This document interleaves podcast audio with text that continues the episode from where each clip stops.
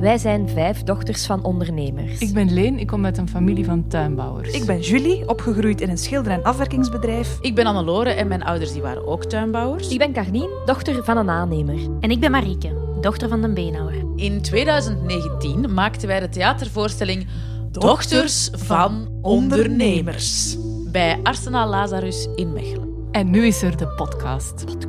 In elke aflevering praten we over één bepaald thema dat te maken heeft met opgroeien in een zelfstandig nest. We hebben daarover onze familie geïnterviewd. En die krijg je te horen. En ook experts ter zake. Ik ben Peter Herman, ik ben historicus en ik ben verbonden aan KADOC KU Leuven. Ik ben Veerle Wullaert van Family Dynamics in Business. Ik ben familietherapeut, zeg maar relatiebouwer, familiebouwer. Die komen ook af en toe eens langs.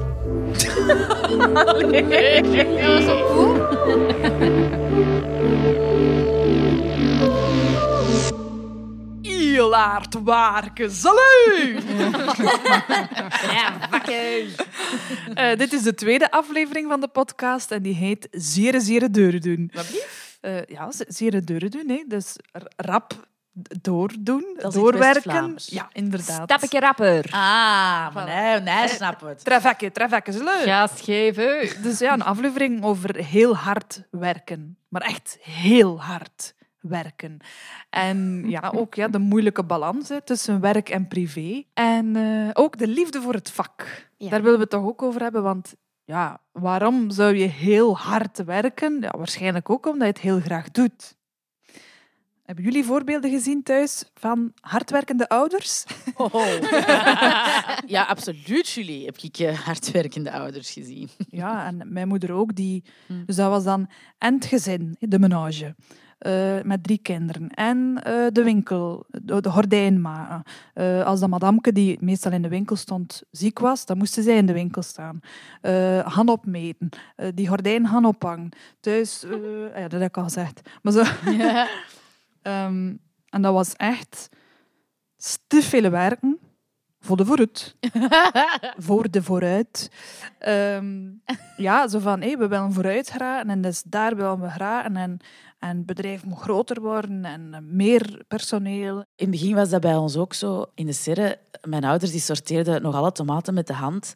En dan vertelde hij dat hij dan tot om 11 uur s'avonds, dat je dan nog ik weet niet hoeveel paletten ziet staan, dat je nog allemaal moet sorteren. En dan zegt ons moeder ook, dan heb ik dikwijls een tomaat tegen de raam gesmeten. gesmeten zo. Als ik dat nog zag, zo'n bergwerk, en om zes uur terug opstaan.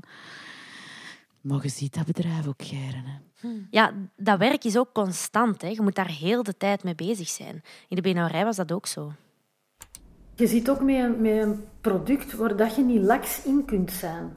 Dus je moet heel kort op de bal zien dat alles in orde is. Eh, oké, dat product is op, oké, dat moet bijgemokt worden. Hoeveel tijd steek ik daarin? Ik zal dat nu al doen, dan heb ik morgen meer tijd om... Allee, je zit daar, hoe dan ook, eigenlijk bijna 24 uur of 24 uur mee bezig. We woonden ook aan onze winkel, dus dat was maar dat waren maar twee deuren tussen en we zaten al terug in die winkel. Wat we eigenlijk nooit niet veel hebben gedaan na het avondeten nog terug in de winkel.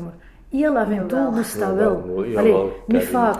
Mijn moeder ontkende dat dus tijdens mijn interview daarmee. Dat, dat, dat hebben ze toch niet vaak gedaan. Terwijl dat, dat voor ons echt gewoon wel... Dat was echt wel normaal, dat ons moeken na het avondeten... De, onze keuken was ook de keuken voor de winkel. Dus die moest elke avond helemaal gekuist worden. Dat was spiek en span. Dus ik vind dat heel raar dat dat bij haar zo is blijven hangen. Als, ah, maar na het eten, ça va, bolden wij het. Totaal niet. Want ook als mijn vader misschien toevallig in de winkel al klaar was, dan ging hij op zijn bureau zitten en dan... Ofwel nog iets voor de winkel en dan begon hij wel aan andere dingen. Maar dat was heel, heel grappig. Echt, ik en mijn vader keken die zo aan. Wat zei jij nu? Dat is totaal niet waar. Dat stopte nooit. Dat stopte nooit. Want je woont aan je winkel, dus je weet, ja, ik het nu toch al, eh, al 40 frikadellenbollen in de oven steken, dan is dat al klaar. Dat waren heel vaak zo van die kleine dingetjes dat zij dan verbannen heeft, maar die, die mij wel heel helder, zo voor de vijf, zo eeuw. En dan misschien daarna frikadelletje afpakken en weet je. De midnight snacks waren bij ons thuis wel legendarisch.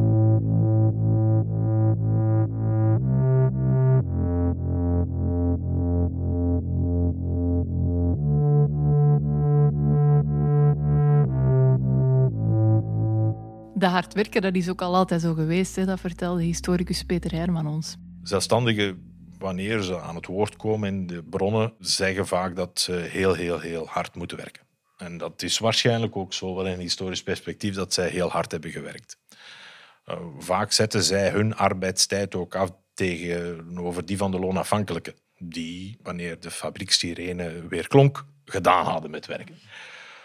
We weten daar eigenlijk objectief weinig over of dat die lange arbeidstijden correspondeerden met de realiteit. Maar wanneer men kijkt naar hoe het winkelbedrijf functioneerde, of de ambachten, of de verhalen en getuigenissen leest, dan ziet men dat er inderdaad in middenstandsgezinnen door de band heel hard en heel lang uh, werd en wordt gewerkt. Hè. Uh, de wettelijke reglementering om als het ware die, die balans tussen arbeid en gezin te verbeteren, is er pas zeer laat gekomen. Het wordt vaak vergeten bijvoorbeeld dat de verplichte wekelijkse rustdag bij zelfstandigen, in het winkelbedrijf bijvoorbeeld, dat is er pas in 1960 gekomen. Een wet op de sluitingsuren van winkels, uh, die kwam er pas in het begin van de jaren 70. Tevoren bleven winkels dus zo lang open als men die open wilde houden, bijvoorbeeld. Want er kon nog altijd een klant aankomen, natuurlijk. Winkels sloten vaak ook nooit. Er was nooit een echte sluitingsdag, want ook op alle dagen, op zaterdag werd, werden doorgaans de arbeiders uitbetaald. En dan gingen die natuurlijk inkopen doen. Op zondag ging de burgerij in de steden gaan wandelen. Dat en dan gingen die vaak ook hun inkopen doen voor uh, de zondagavond. Dus dan bleven die winkels ook heel lang geopend en werd er dus hard gewerkt. En dan wanneer dan die winkel gesloten werd, dan moesten er nog inventarissen worden opgemaakt, dan moesten er bestellingen worden geplaatst, de boekhouding moest worden gedaan. Dus er moest wel aanhoudend worden gewerkt. Er in de, in de vrieska proberen die pompen te ontdooien en ik weet niet wat. Iemand van alleen is morgens vroeg. Verkleund van de K, dat is absoluut niet plezant. Nee, dat is kloten. Dat, dat, dat is kloten job van niet, dat is geen passies. Hè? Dat is kloten. En zo kan ik nog tientallen van die dingen opnoemen, waar dat de werknemers naar huis gingen en een baas ook moest afwerken. Hè? Dat is geen passie, dat is kloten. Ja, maar hey, zo heb ik ook veel voorbeelden. Hè, dat dat geen passie meer is, maar dat wordt gewoon kloten. Mijn vader noemt dat slavenwerk. Dan zei ons moeder ook, ja, hey, wat jij vroeger in de kolenbunker, als het vroor, de kolen uit elkaar gaan slagen. Kolenbunker, ja, maar ja. Dus mijn moeder lag dan ook in dat bed, te weten dat er een man s'nachts in de vrieskou, in die kolenkelder, die kolen uit elkaar aan het kloppen was. En er kunnen dan gassen ontstaan en je kunt sterven.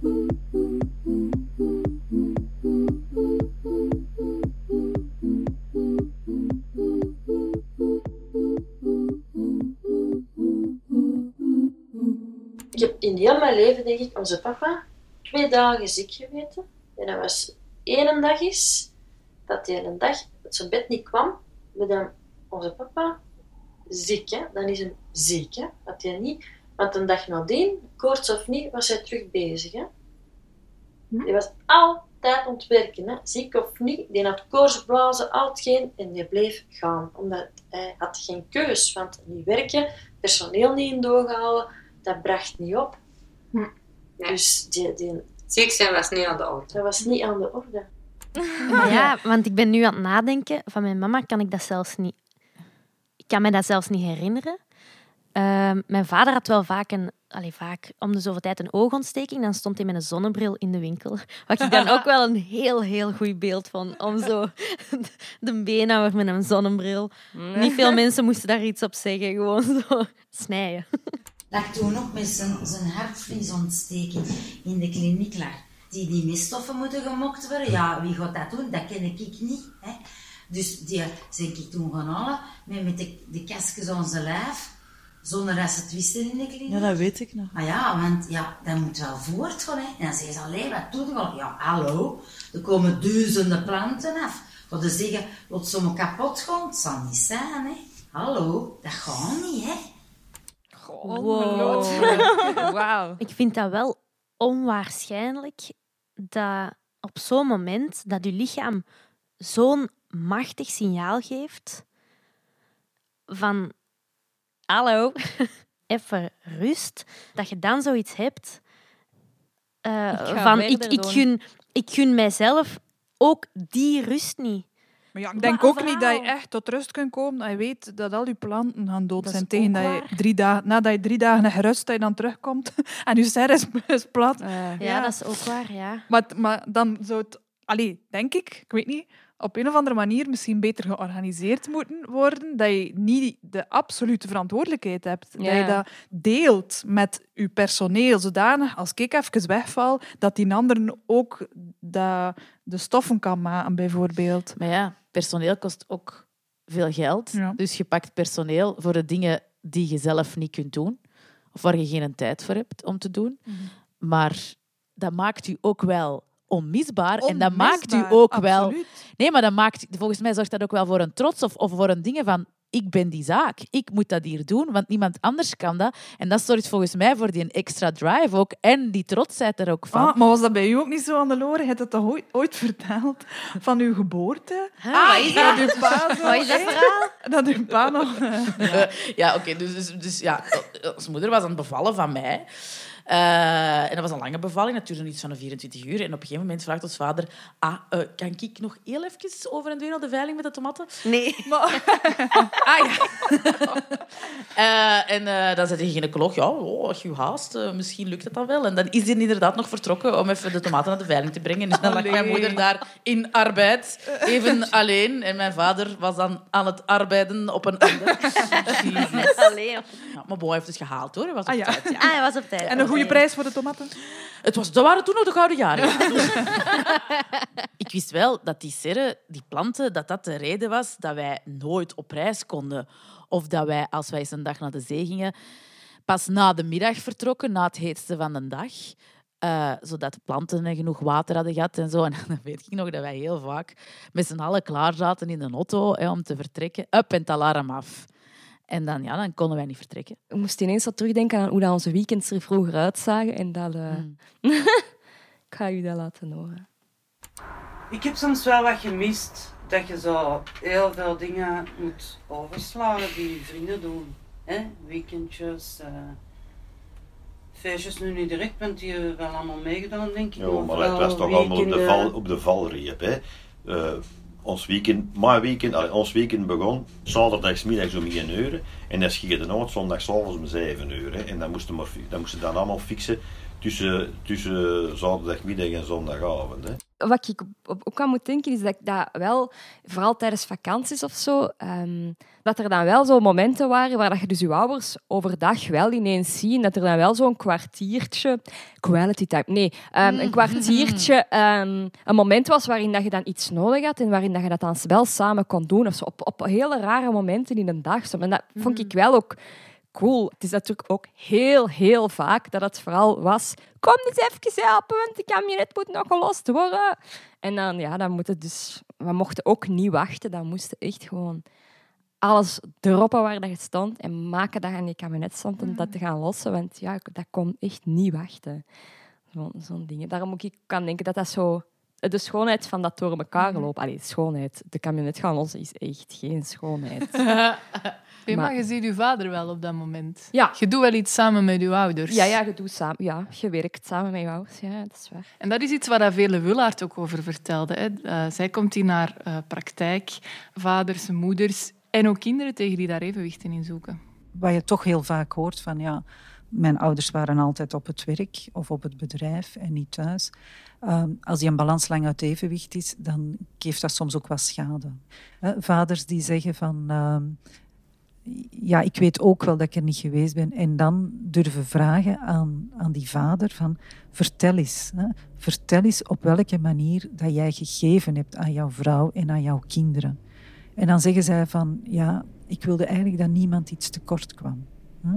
Ik wilde ervoor zorgen dat financieel alles in orde was. Hm? Ik wilde dat ze fier zouden zijn op dat bedrijf. Ik wilde dat ze later gingen kunnen studeren. Allee, En dan krijg je, dat is, dat is het geven van die man geweest. Hè? En dat is ook heel belangrijk, dat geven van die man. Ook al is dat voor kinderen, hebben die, die vader gemist, maar als je dat op volwassen leeftijd, allee, aan volwassen kinderen bedoel ik, hè, kunt vertellen, dat kan voor kinderen zeer helend zijn. Hè. Dat kan zeer herstellend zijn. Hè. Zo, ik weet het wel, allee, vader, ik heb u gemist, maar ik, ik weet wel dat je dat met goede bedoelingen hebt gedaan. Het effect dat, dat soms op ons had, was, ja, dat heeft soms pijn gedaan, maar dat zit daar wel achter. En dat je dan de kinderen kunt laten vertellen van wat heb je meegepakt van uw ouders en op welke manier geeft je dat zelf vorm in je leven. Dat is voor ouders ook heel, heel helend. Hè?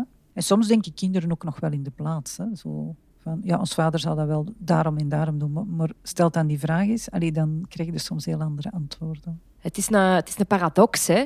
Uh, op het ene moment dan werkte keihard door tot, tot middernacht uh, en je stak weet niet hoe vroeg op. En op andere momenten dan, ja, dan pakten wij ook wel gewoon verlof op een donderdag namiddag. Gingen wij in de zon zitten omdat het schoon weer was. Dat is ook het ding van, je zet je eigen baas. Als ik vraag mijn vader, maar was het dan het waard? Was dat, je zet je eigen baas.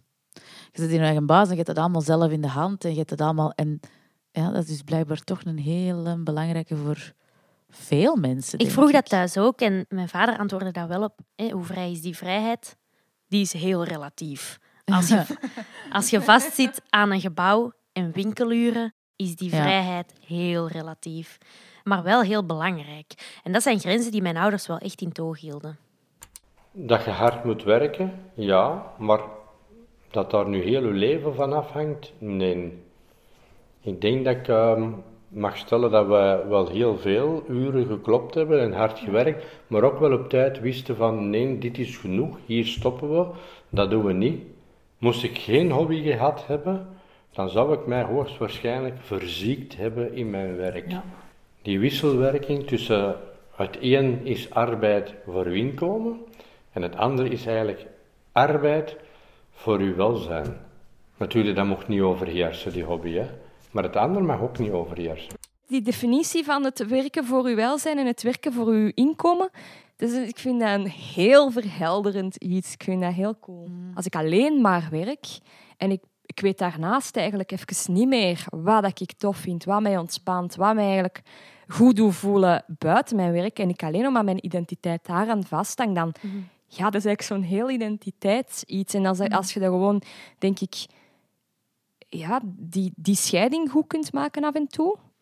Mm Toen ik dan uh, is twee jaar geleden, of anderhalf jaar geleden, in een burn-out uh, belandde, dat ik dus echt heb moeten leren van je moet kunnen, of je moet zoeken naar hoe zet ik gewoon alles af. Als ik werk, werk ik echt. En als ik niet werk, werk ik echt niet. Mm En ik veronderstel dat die dat eigenlijk misschien allemaal wel kunnen. Gewoon echt pauze pakken en echt niet meer met werk bezig zijn.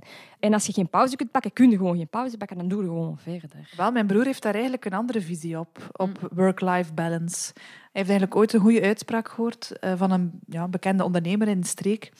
En uh, dat is hem altijd bijgebleven.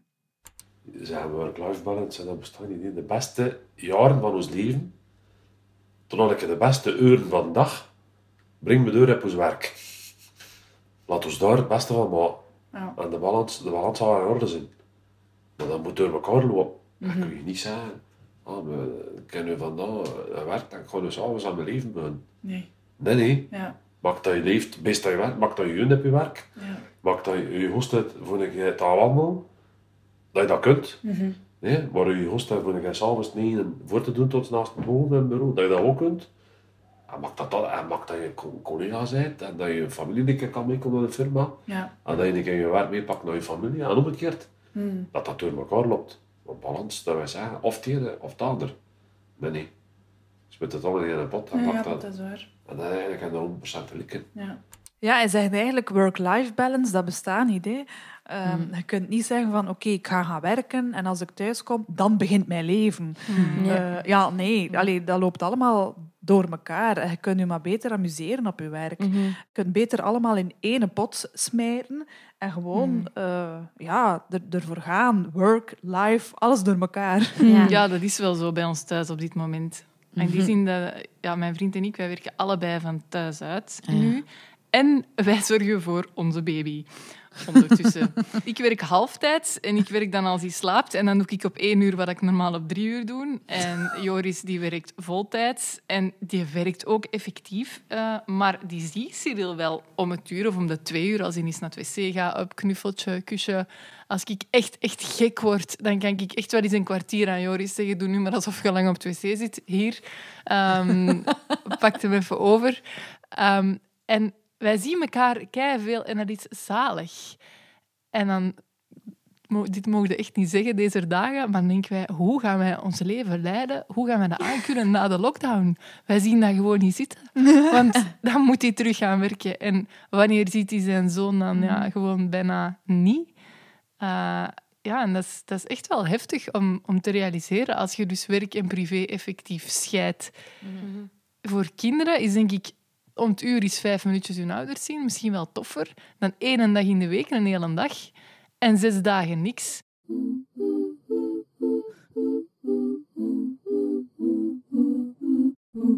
Ik denk vaak ook na een uur werken, voilà, dit was de arbeid van de dag en meer zit er niet in. Het energieniveau dat ik Ja. nu voel, dat staat eigenlijk maar zoveel uurwerk eh, tegenover. Ja, ik denk dat ik dan evenveel gedaan heb als dat ik misschien op een andere dag op zes uur tijd of op acht uur tijd doe. Er zijn ook veel mensen die zeggen, dat maakt mij niet zoveel uit of dat ik mijn job graag doe. Ik wil gewoon mijn geld verdienen. En dan, zodat ik geld genoeg heb om dan op reis te kunnen gaan. Of om dan daarnaast... En om heel duidelijk te weten, ik heb zoveel dagen congé. En ik krijg zoveel euro maaltijdchecks. Ja. Mijn werk, mijn grootste passie, absoluut niet. Gewoon als iets heel functioneel zien. En dat kan, dat kan ook bestaan. Allee, dat is ook goed. Absoluut. Dan weet je op het einde van de maand wat er op je loonbrief staat. Yep, en dat amai. is gewoon in deze ruimte hier wel ervaren dat dat gewoon echt niet het geval is. Dat je op het einde van de maand... Of dat je het zelfs Bij niet... zelfstandigen, hè? Dus- bij zelfstandigen, ja, ja, ja. Dat je het gewoon niet, niet precies weet. En er zullen weken geweest zijn dat wij Alex evenveel per uur verdiend hebben als de jobstudent uit daar kwam, vaste zaterdags. Maar goed, dat, dat moet niet op een weegschaaltje liggen. En daarom moeten we ook de betere tijden hebben. Want anders zit het zo dat je zelfstandig bent. Echt idem voor een acteur, hoor. Het gaat ook heel erg over onze job, over, en ik denk over veel jobs. Dat is zo gaat met, ja, als je, als je uren begint te tellen en je moet een keer per uur. Soms doen wij dat toch, een keer bere- berekenen wat we eigenlijk zouden moeten verdienen voor iets te doen. Dat... Maar bij ons is het ook vloe, want je hebt heel veel momenten dat je tekst zit te repeteren, dat je zit voor te bereiden. En dat is allemaal gewoon thuis. En dat je een boek uit- leest over een thema. Het stopt nooit, hè, mannetjes. Het stopt nooit. Nee, je werkt hard en je doet gewoon door. Gelijk als dat we het geleerd hebben. En als dat tot s'nachts is, is dat tot s'nachts. Het is, ja, voilà. Het is hier ook al vier uur s'nachts ondertussen, hè, mannetjes. Oh, we blijven in midnight snacks, zeg. Eh, ik ga dan eerst een bak beginnen. Dochters van ondernemers, dochters van ondernemers, dochters van ondernemers. De volgende aflevering van Dochters van Ondernemers heeft als titel BVBA aan Bras. Een aflevering over samenwerken met uw familie, over roepen, maar ook over de liefde. Dochters van Ondernemers maakt deel uit van podcastnetwerk Luister. Luister.